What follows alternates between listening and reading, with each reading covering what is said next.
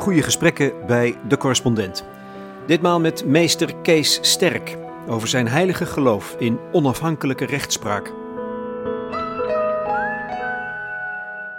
Kijk, er zijn mensen die, uh, die zijn van begin af aan wilden die rechter worden. En dat is bij mij een beetje, beetje anders. Ik ben aan de universiteit begonnen. En uh, ja, eigenlijk als een soort verlengde studententijd, om het maar zo te zeggen. Ik was docent handelsrecht. En toen zei op een gegeven moment een van de oudere hoogleraren zei tegen mij van... wat ga jij nou eigenlijk doen uh, als je hier uh, niet meer werkt? Ik zei, geen flauw idee. En toen zei hij, ja, ik wel. Zei hij, jij wordt rechter. En toen zei, hij, toen zei ik, ja, ik weet helemaal niet of ik het wel leuk vind. En toen, toen zei hij, nou, ik, ik regel wel dat je ergens griffier wordt. Dan kun je kort gedingvonnissen gaan schrijven. Nou, dat heb ik gedaan bij een rechtbank. Nou, en ik was eigenlijk direct uh, verkocht. Ik was direct verkocht. Wat ontdekte je daar dan? Uh, nou ja, het is een combinatie van, uh, van ja, goed communiceren met, met, met, met de mensen op de zitting. Ja. een relevant probleem. Nadenken ja, wat, wat de goede oplossing daarvoor is. Die past in het, in het rechtssysteem. Ja, dat, dat, ja, dat greep me direct. Ja vond het prachtig. De schoonheid, ja? de schoonheid ervan.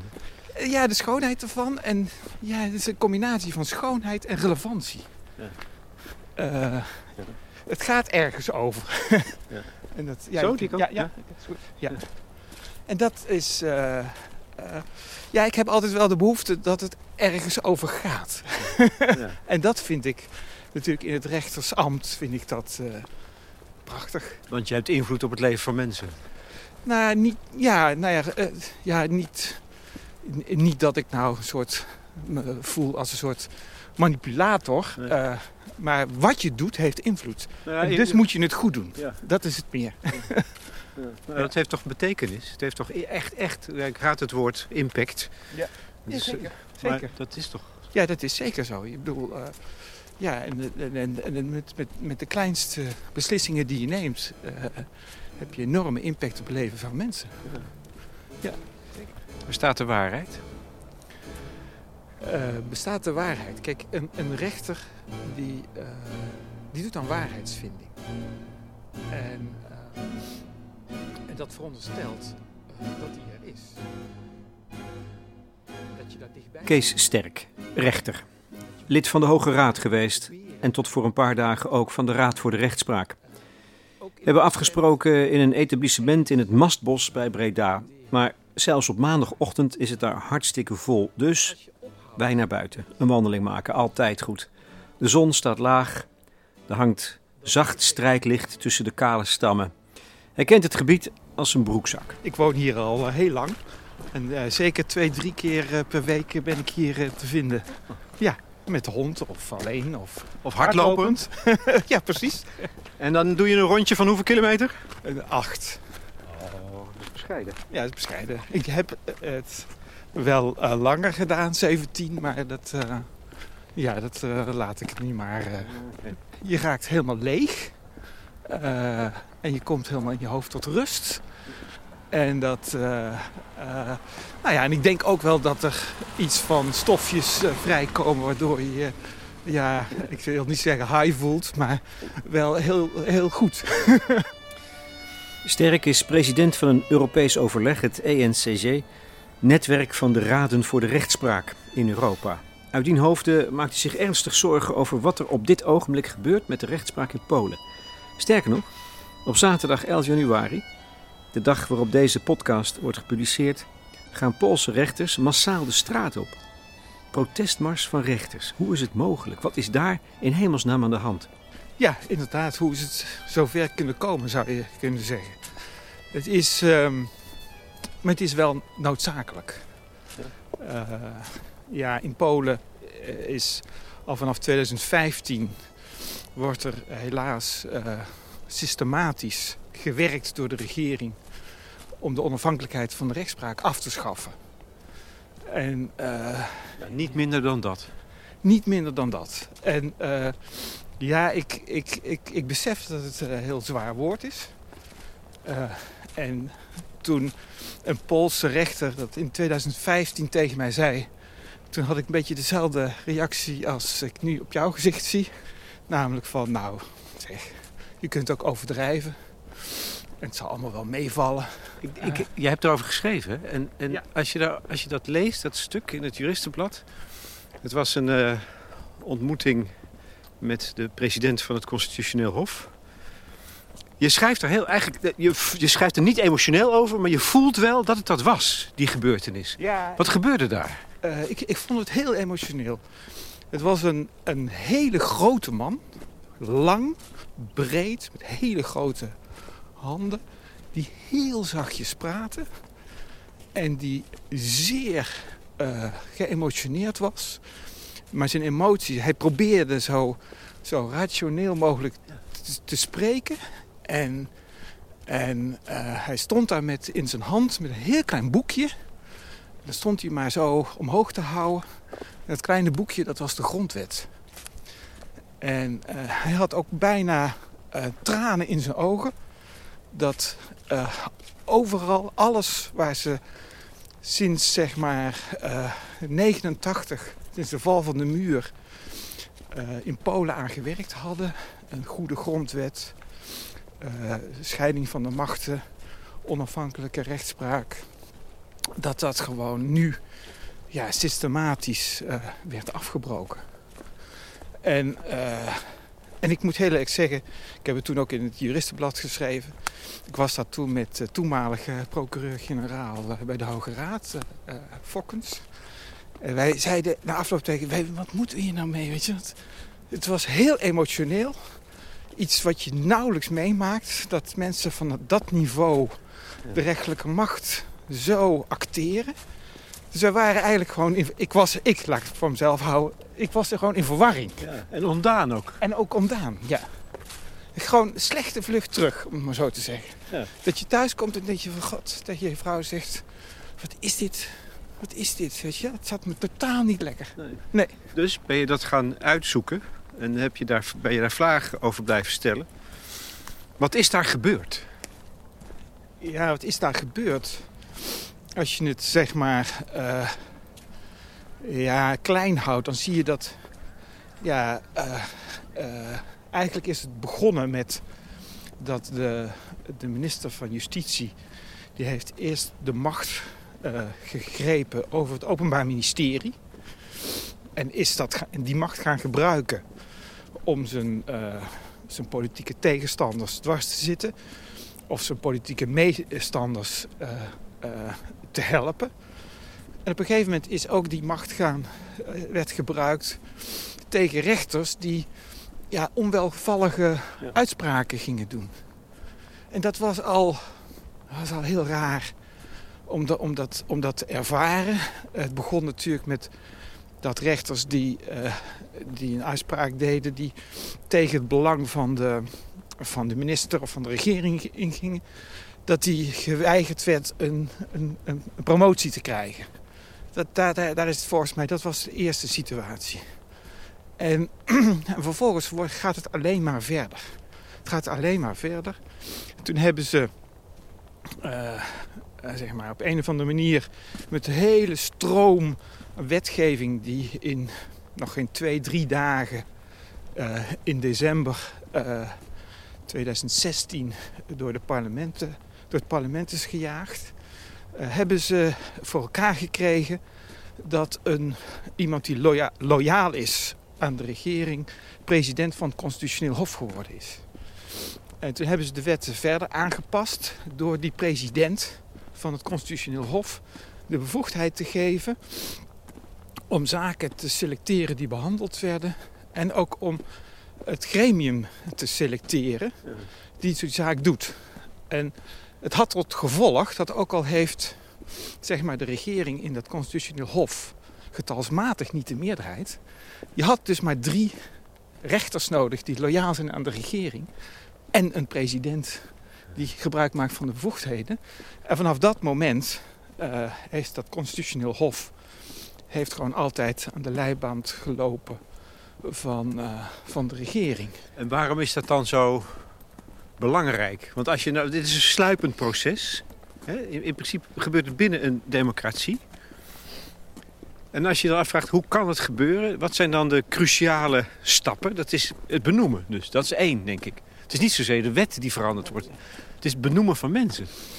Nou, het is, ehm, het is niet alleen het is benoemen van mensen, dat, dat is natuurlijk één. Het twee, het is de houding ten opzichte van, van de wet. Eh, je moet als rechter moet je een wet, eh, ja, om een oud woord te gebruiken, te goede trouw uitleggen. Ja. Eh, je moet integer zijn in de uitleg van de wet. Het kan zijn dat je als rechter te maken hebt met een wet waar je privé helemaal niks in ziet of zelfs tegen bent. Maar je zult toch dat te goede trouw uh, moeten uitleggen. En die goede trouw, ja, die, die hebben nogal wat rechters die loyaal waren en zijn aan de Poolse regering. Ja, die heb, dat hebben ze laten varen. Ze, zij hebben gekozen voor loyaliteit aan de regering in plaats van loyaliteit aan de wet Ja. en de grondwet. Maar dat is, dat is toch, dat, de regering is toch één man daar, Polen? Nou, nee, het is, is vrij helder dat in Polen eh, één iemand het voor het zeggen heeft. Dat is meneer Kaczynski. En eh, ja, hij bepaalt wat er gebeurt, ja. Ja. ja. Maar het zit natuurlijk gewoon breder. Hè? Ehm, die regering die gelooft niet in de waarde eh, van de democratische rechtsstaat. Daar geloven ze niet in. En daar komen Eh, ze ook vooruit. En daar komen ze inmiddels ook voor uit. Dat, eh, eh, ja, ze geloven niet in een onafhankelijke rechtspraak. Ze geloven niet in de, in, de, in de scheiding van de machten. En de vraag is natuurlijk, hoe komt dat nou, hè? Ja. Dat, eh, dat ze dat niet doen? Ja, voor een deel heeft dat, ja, voor een deel heeft dat met wereldpolitiek te maken. Hè? Want zo, zo groot is het helaas. Meneer Trump heeft ehm, in een tweet geschreven dat dat hij eventueel ook cultureel erfgoed in, eh, in Iran zal, zal eh, kunnen bombarderen.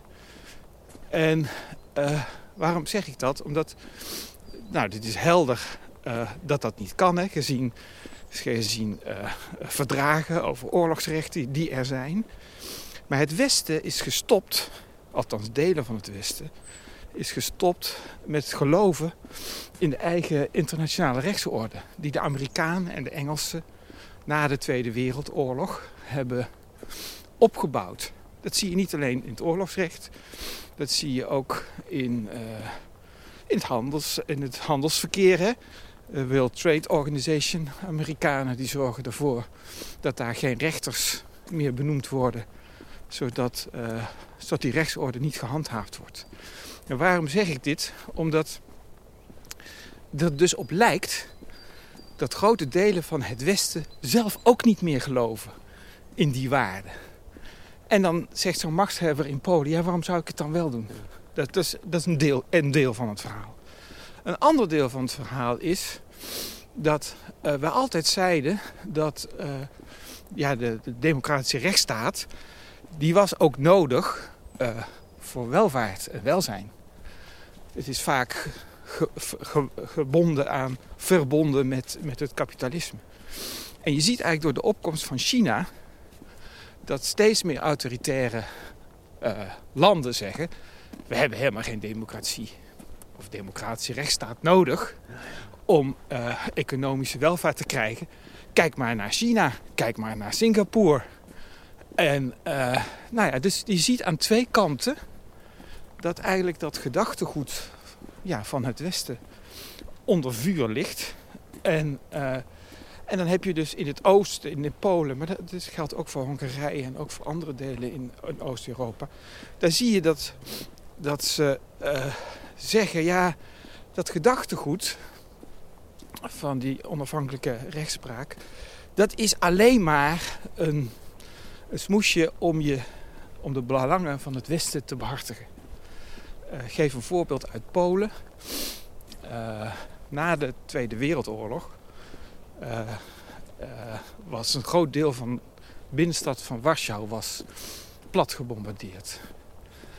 En toen is er een eh, communistische regering gekomen en die heeft genationaliseerd uh, die binnenstad en daar allemaal kleine arbeiderswoontjes geplaatst.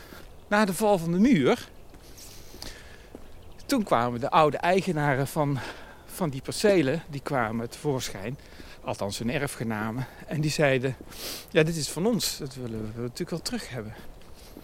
En dan zie je dus dat uh, er heel veel uitspraken zijn van rechters in Polen die, die eigenaren gelijk geven.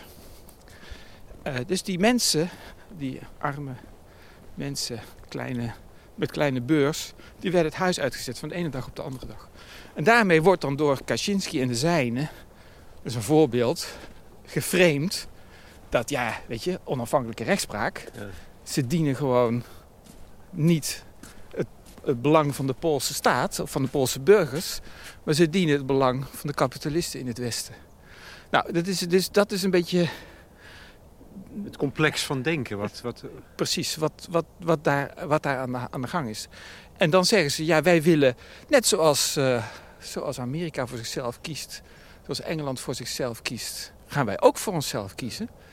En, en in, in, in hun ogen past daar dan bij dat je, ja, dat je die rechtelijke macht, die, tegen, uh, die een tegenmacht is tegen de regering, die zorgt dat nog de, uh, de rechten, de burgerrechten van de, van de bevolking gerespecteerd worden. Dat, ja, dat, dat, dat die macht klein gemaakt wordt, want die kunnen ze niet gebruiken.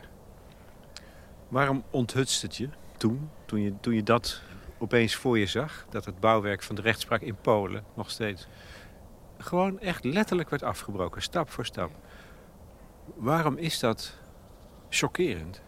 Ik kon het gewoon niet geloven. Eh, ik, ik denk dat dat. Het choqueerde omdat ik het gewoon niet kon geloven dat weldenkende mensen, want het zijn het, eh, sommige mensen die zeggen ja, maar dat komt omdat ze, zijn allemaal niet zo slim. Ze, ze zijn rete slim, uh, die mensen. Daar, daar zit het hem niet in. Maar ze maken gewoon een andere keuze. En dat dat. Uh, ja, dat, dat, dat choqueert me. Dat, dat, je, uh, dat je niet kiest voor een onafhankelijke rechtspraak. die, die, die de rechten uh, van burgers beschermt. Dat je dat geen goed systeem vindt. Want wat betekent dat? Nou, dat betekent, je ziet het gewoon heel concreet. de geschiedschrijving wordt aangepast. Uh, rechten van, van, van, van, van homo's en van minderheden worden uh, niet uh, gerespecteerd. Dus vanaf dat moment zijn burgers vogelvrij?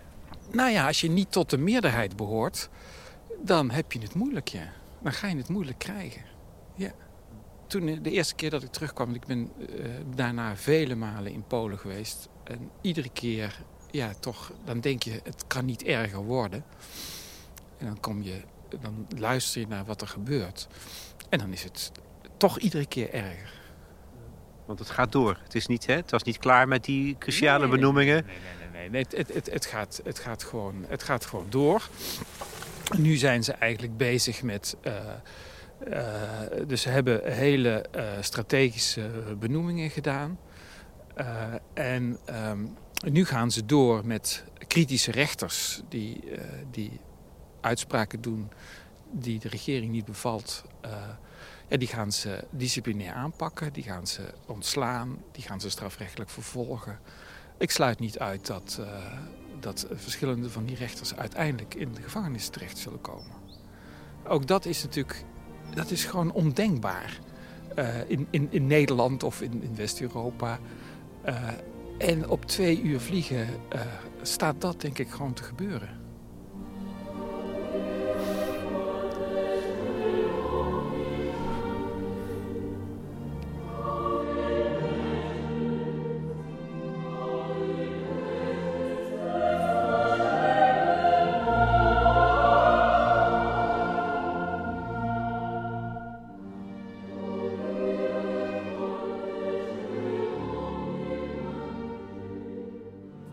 Het is wel ontzettend mooi, hè? Zo. En vredig. Ik denk dat dat, eh, met die ontwikkelingen die je beschrijft... dat dat wel eens op het spel zou kunnen komen te staan. Vrede.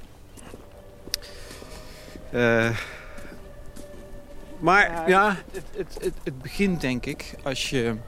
uh, kijk, als dit doorgaat, dan uiteindelijk, uh, uiteindelijk is dit het einde van de Europese Unie zoals we die nu kennen. Oké, okay, dat dus moet je dan uitleggen. Dat moet je uitleggen.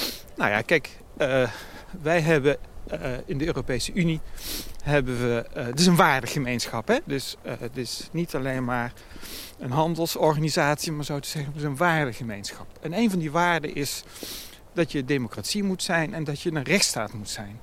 En die rechtsstaat die heeft een onafhankelijke uh, rechtspraak. En omdat we die waarden over en weer hebben, vertrouwen de rechters elkaar. Uh, en, uh, en dat vertrouwen, met uitleveringen bijvoorbeeld, dat gaat natuurlijk verloren op een gegeven moment. Als je Poolse of Hongaarse of welke collega dan ook als je denkt, ja, die zit in de binnenzak van de regering, ja. dan ga je niet eh, iemand die verdacht wordt van een strafbaar feit, ga je overbrengen uh, naar, uh, naar Polen of Hongarije. Maar het gaat nog verder. Kijk, het Europese recht, dat is eigenlijk het instrument voor de Europese Unie om, om de Europese regels ja. te handhaven. En dat gebeurt via de onafhankelijke rechtspraken in de lidstaten. Kijk, als jij uh, uh, onderhandelt als regering in Brussel over klimaat of investering of wat dan ook.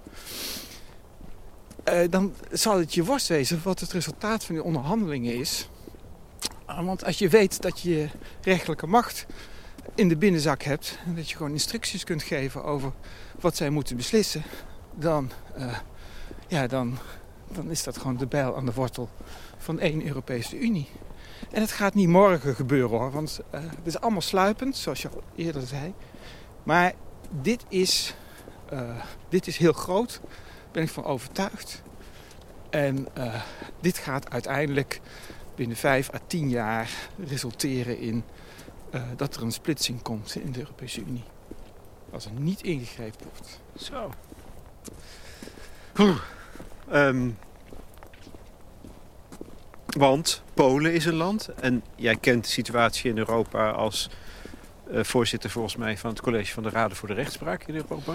Ja, we, we noemen onszelf Europees Netwerk voor de Raden voor de Rechtspraak. ja, ja. ENCC. Zijn er, ik bedoel, Hongarije is notoor, uh, berucht, in, in de richting van een autoritaire ontwikkeling. Is, het, is daar in feite niet hetzelfde al aan de hand? Ja, ja het is al, het is al uh, veel eerder begonnen. En, uh, en ze zijn daar zelfs ook nog wel iets verder, denk ik. maar de Hongaren zijn, een beetje slimmer dan de Polen. De Polen die die, dat zijn rouwdouwers, zal ik maar zeggen. Ik zeg altijd, de, de, Polen zijn een soort tanks. De Poolse regering komt er aangerold als tank. En totdat er een rood blok staat waar ze niet overheen komen, blijven ze gewoon doorrijden. En iedereen kan dat ook zien. En de, en de Hongaren zijn eigenlijk een soort van... Ja, je moet het vergelijken met de wendbaarheid van, uh, van die paarden op de poesta. Uh, die, die krijgen kritiek, dan nemen ze een beetje terug. En dan gaan ze, de volgende keer gaan ze het weer verder, et cetera, et cetera, et cetera. Maar is daar ook de, is, is, bestaat er nog wel iets als een onafhankelijke rechtspraak in Hongarije? Of is dat de facto ook niet meer het geval daar? Nee, ik denk dat op, uh, op het niveau van ook daar het constitutioneel hof... dat constitutioneel hof in handen is van, van de regering. Ik denk dat, uh, zeg maar, op, op het lagere niveau uh, de rechters daar, dat die nog wel onafhankelijk zijn. Maar ja, het, het, ze proberen nu met wetsvoorstellen proberen ze de Hoge Raad in, Hongarije, in Budapest, in handen te krijgen. En zo successievelijk druppelt het naar beneden. Dus je kunt niet zeggen de hele uh, rechtelijke macht in Hongarije is niet onafhankelijk. Dat, is, dat gaat te ver. Uh, maar er wordt wel heel systematisch aan gewerkt om het wel zover te krijgen. Een probleem is natuurlijk wel dat, uh, dat zie je in Polen ook, uh, er zijn 10.000 Poolse rechters.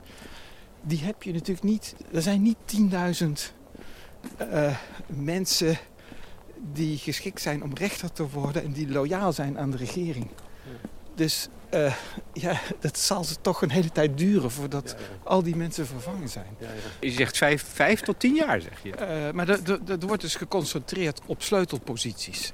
En, en mensen die loyaal zijn, die krijgen ook ineens allemaal dubbel of driedubbel uh, posities. en het heeft te maken met dat ze te weinig mensen hebben om het voor elkaar te krijgen. Dus daar zit nog wel een, iets van een hoop in. Ja, want dat, is, dat, is, dat wou ik net ook afvragen. Kijk, in Polen, in Hongarije, in Europa. Wat zijn de tegenkrachten? Of, of zijn mensen machteloos inmiddels?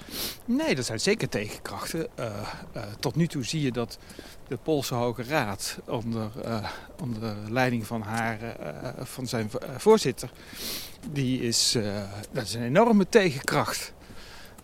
de Poolse rechters zelf die roeren zich enorm. En ik moet zeggen, ik heb grote bewondering voor de, voor de moed van deze mensen.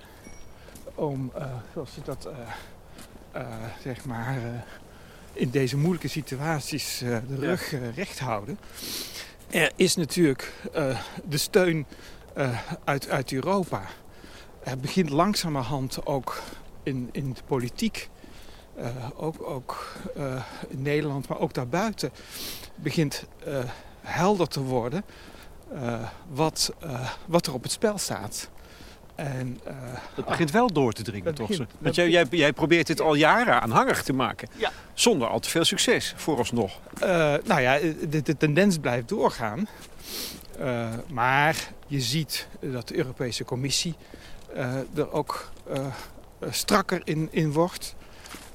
dus ik, ik, ik, ik, ik geloof niet uh, uh, dat er geen succes is. Uh, ik zeg alleen, het is van lange adem. En, en de tendens is nog niet gestopt.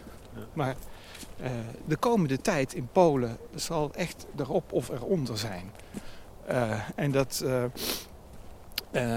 nu is er... Nu, daarom is die mars er.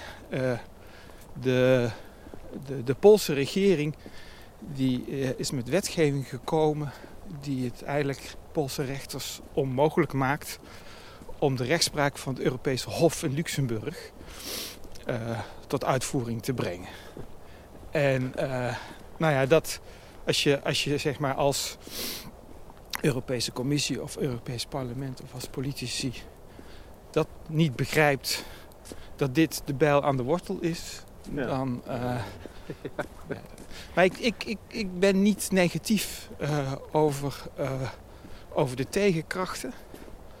En ik merk ook gewoon in de, in gesprekken dat er steeds meer uh, politici precies op de hoogte zijn van wat daar gebeurt en ook de portée daarvan begrijpen. En uiteindelijk is het natuurlijk zo dat, ja, dat de Poolse bevolking de Hongaarse bevolking zullen in, in verkiezingen zullen duidelijk moeten maken dat ze dit niet willen. Dat kunnen wij ze niet opleggen. Nu nog, nu het nog kan.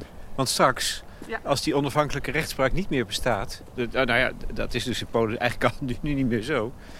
dan, heb je, uh, dan kun je ook langs die weg niks meer teweeg brengen. Nou ja, dan, dan, dan wordt het heel moeilijk. Hè? Uh, van de andere kant zie je dus in, in, in Budapest... Uh, heeft de de kandidaat van de oppositie heeft de, de gemeente Budapest de ja. burgemeestersverkiezingen gewonnen. Dat is in, in uh, Istanbul in feite, vergelijkbaar. Net is in Istanbul. Tegen een massieve uh, ja. uh, reclamecampagnes van de regering in en, en, en, en intimidatie en van alles en nog wat. En toch is het gebeurd. Dus ja, het kan wel. het kan wel.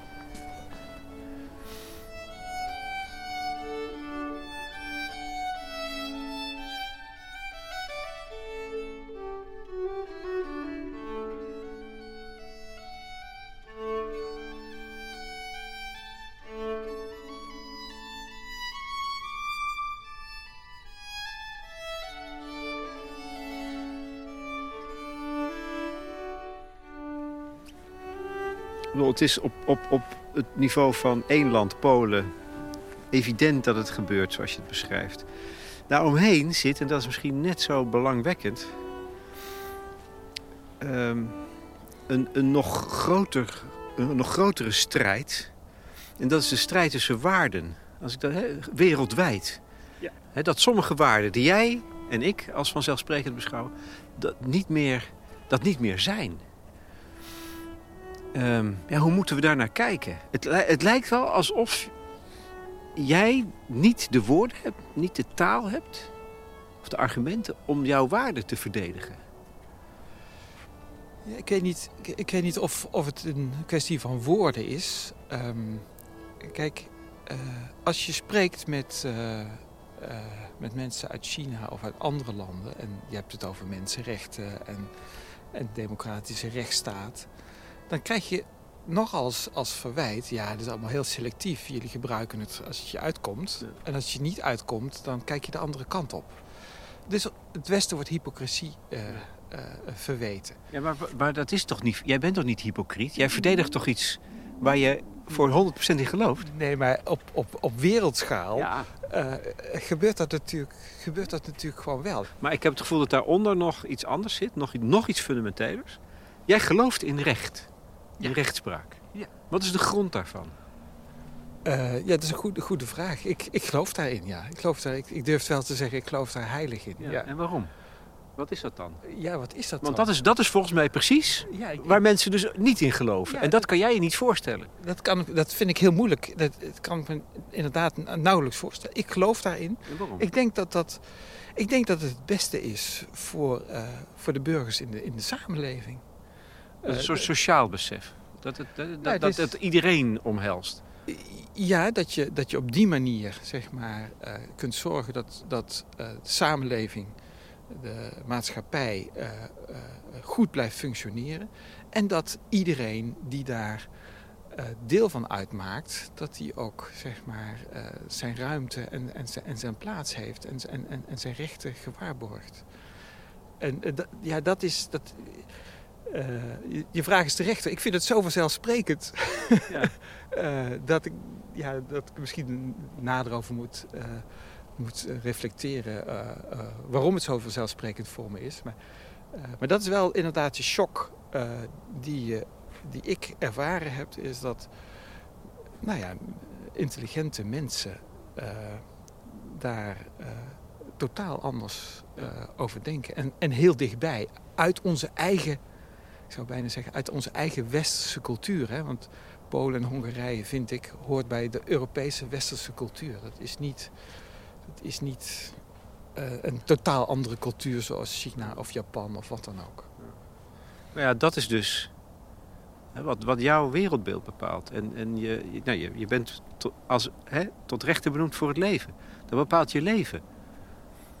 En dat, dat, ik heb het idee, als ik je zo hoor, als je de ontwikkelingen ziet wereldwijd, dat dat het probleem is. Dat we dat niet, eigenlijk niet goed kunnen verdedigen. Met z'n allen. Nee, we, we, eh, we- kunnen dat. eh, Of liever gezegd, ja, nou ja, wat, wat je? mijn vraag hebt- gaat over democratie. Hè? Ja, ja, precies. Maar wat, wat, je, wat je hebt is, eh, het, de, de macht van het Westen neemt af.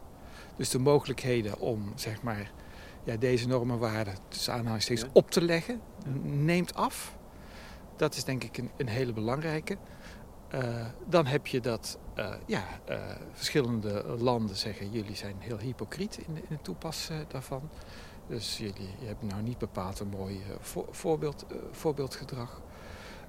En ja, wij geloven veel meer in, in de rechten van het collectief dan van het individu Ja, En van de baas, en van de baas. van de autoriteit. Ja. En dat, eh, ik, ik vind dat het, het- botsen van die waardesystemen vind, ik- vind ik zelf heel. eh, eh, hou- houdt mij we- wel bezig. Hè? Want hoe, hoe kun je nou een dialoog krijgen tussen mensen die zo enorme eh, verschillende uitgangspunten hebben?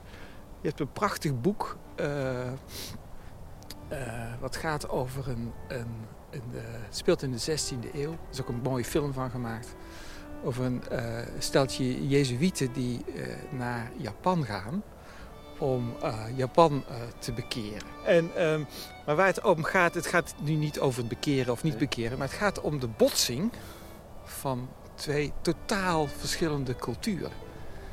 En, en dat zie je in dat boek, boek heel helder.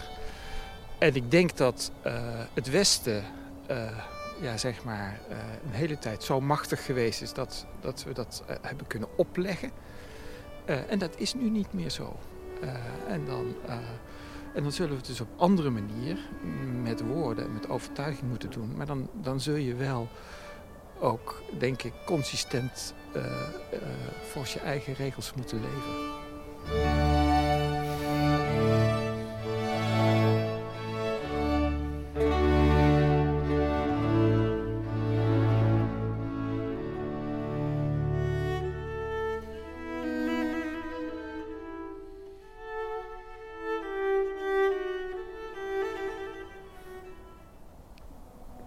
Laatste onderwerp.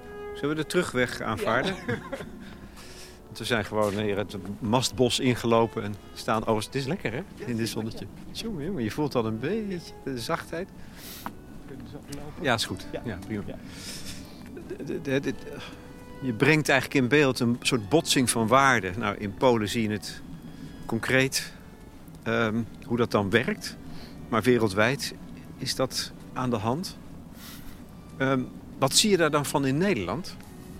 Tot slot, want er is natuurlijk heel veel discussie over de, de rechtspraak die onder druk staat. En uh, er zijn mensen als Herman Tjenk-Willink die zeggen... ja, die rechtspraak en daarmee de democratische rechtsstaat... wordt van binnenuit uitgehold. Dan kun je zeggen, ja, uh, wij, wij, wij, wij, bij ons staat de onafhankelijkheid van de rechtspraak... zoals in Polen niet op het spel. Maar is dat niet in feite toch ook het geval... als hier in Nederland zelf aan dezelfde waarden misschien getwijfeld gaat worden door sommige mensen?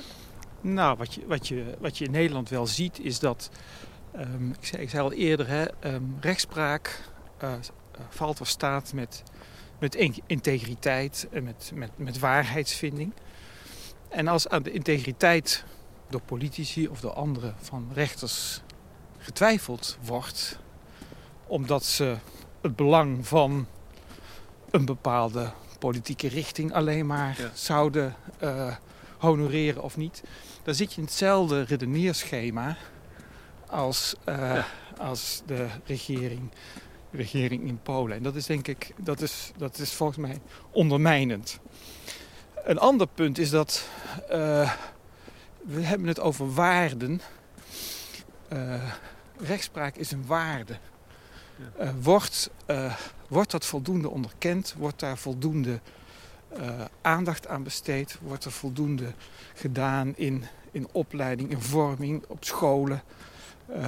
wordt er voldoende over die waarden in het parlement of in het openbaar debat over gesproken? en in, in die zin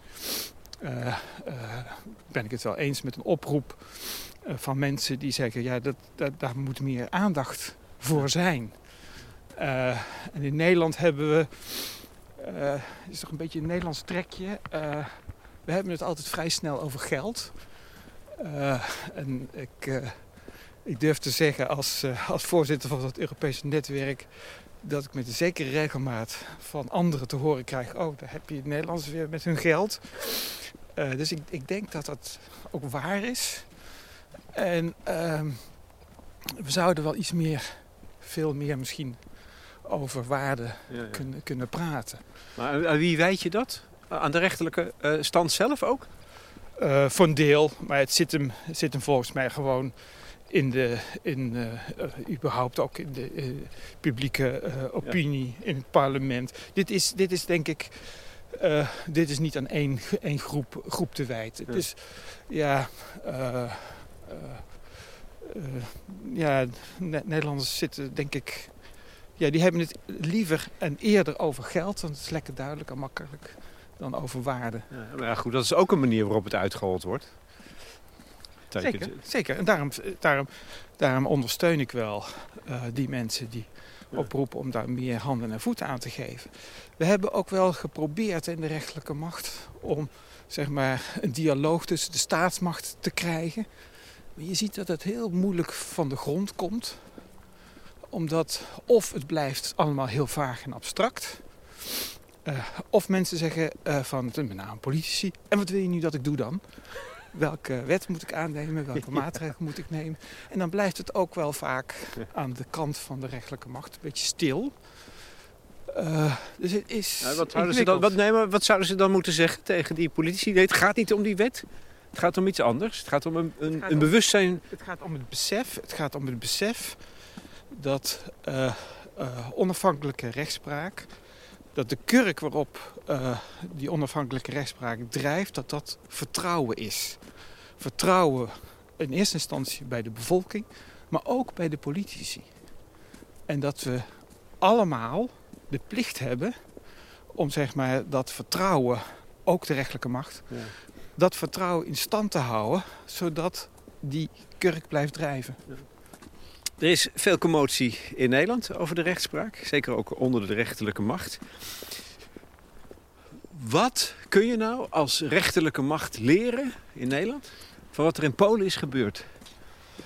Nou, ik heb uh, op een gegeven moment durfde ik wel, omdat ik de Poolse collega's zo goed kende, ze de vraag te stellen van wat, wat hebben jullie nou verkeerd gedaan? Hè?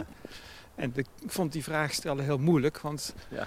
Uh, als je zo onder vuur ligt uh, en zo evident, uh, bedreigend, et cetera. En toch heb ik die vraag gesteld en ze hebben hem ook, ook beantwoord. En, en dan krijg je eigenlijk te horen ja, we hebben te weinig uitgelegd wat de waarde van de rechtsstaat betekent. Hebben de bevolking daar te weinig in meegenomen. En wat je ook te horen uh, krijgt is... wij hebben te weinig geluisterd naar wat de bevolking nou daadwerkelijk van ons wil. en niet in de zin van volksgericht of iets dergelijks. Maar in, in de zin van wat, wat vindt de bevolking nou belangrijk in rechtspraak? Met andere woorden, sluit je niet op in Ivoren Toren. Besteed geen energie in, in nog uh, verder verhogen, de, de waarborgen voor onafhankelijkheid in de wet of wat dan ook. Maar zorg dat je het vertrouwen wat de bevolking in Nederland gelukkig in de rechtspraak heeft, dat dat vertrouwen blijft en liefst uh, groeit. Maar hoe kun je daar dan als rechter aan bijdragen? Wat moet je dan doen? Nou, uh, bijvoorbeeld wat heel veel uh, collega's doen, gewoon goede rechtspraak plegen. En, en natuurlijk zorgen dat, dat je maatschappelijk relevante rechtspraak ook pleegt. En dat gebeurt gelukkig in Nederland. Maar dat is denk ik belangrijker dan nog weer een, een waarborg in de wet. Want als er, als er meerderheden in het parlement komen die, die niet in deze waarden geloven, dan zijn namelijk deze uh, nieuwe waarborg in de wet ook zo weer afgeschaft. Terwijl het vertrouwen van de bevolking, dat is hopelijk veel bestendiger.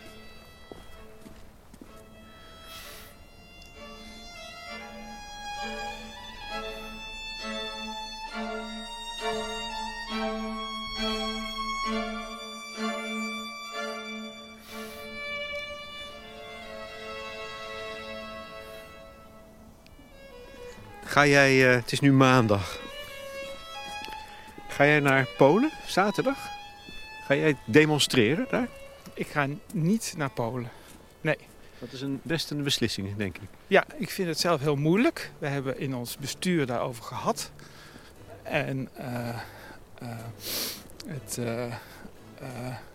het, ik heb er hartzeer van om daar niet naartoe te gaan.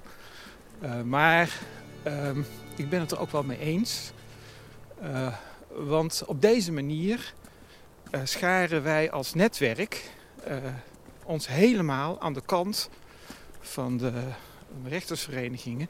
Terwijl we als netwerk in dialoog willen zijn, ook met de regering en met de Raad voor de Rechtspraak daar.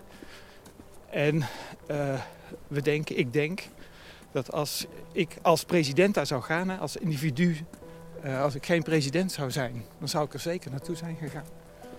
Uh, ik denk dat uh, dat, dat uh, ja, de mogelijkheden voor de toekomst te veel beperkt. Hmm. En dat wil ik ook behouden. Dus je blijft niet alleen geloven in de heilige grond van het recht, maar ook in de dialoog. Ja, ik denk, ik denk dat uh, er, komt, uh, er komt gewoon een tijd dat dit, uh, dat dit verbetert, dat dit anders wordt. En ik denk dat het netwerk dan in de positie moet zijn om daar een constructieve bijdrage aan te leveren. Dan wens ik je veel succes. Dank je wel. Dank je wel, Kees. Heerlijke wandeling ook. Ja, we zijn er nog niet hoor. nee, we zijn er nog lang niet. Maar we hebben een richting, dankjewel.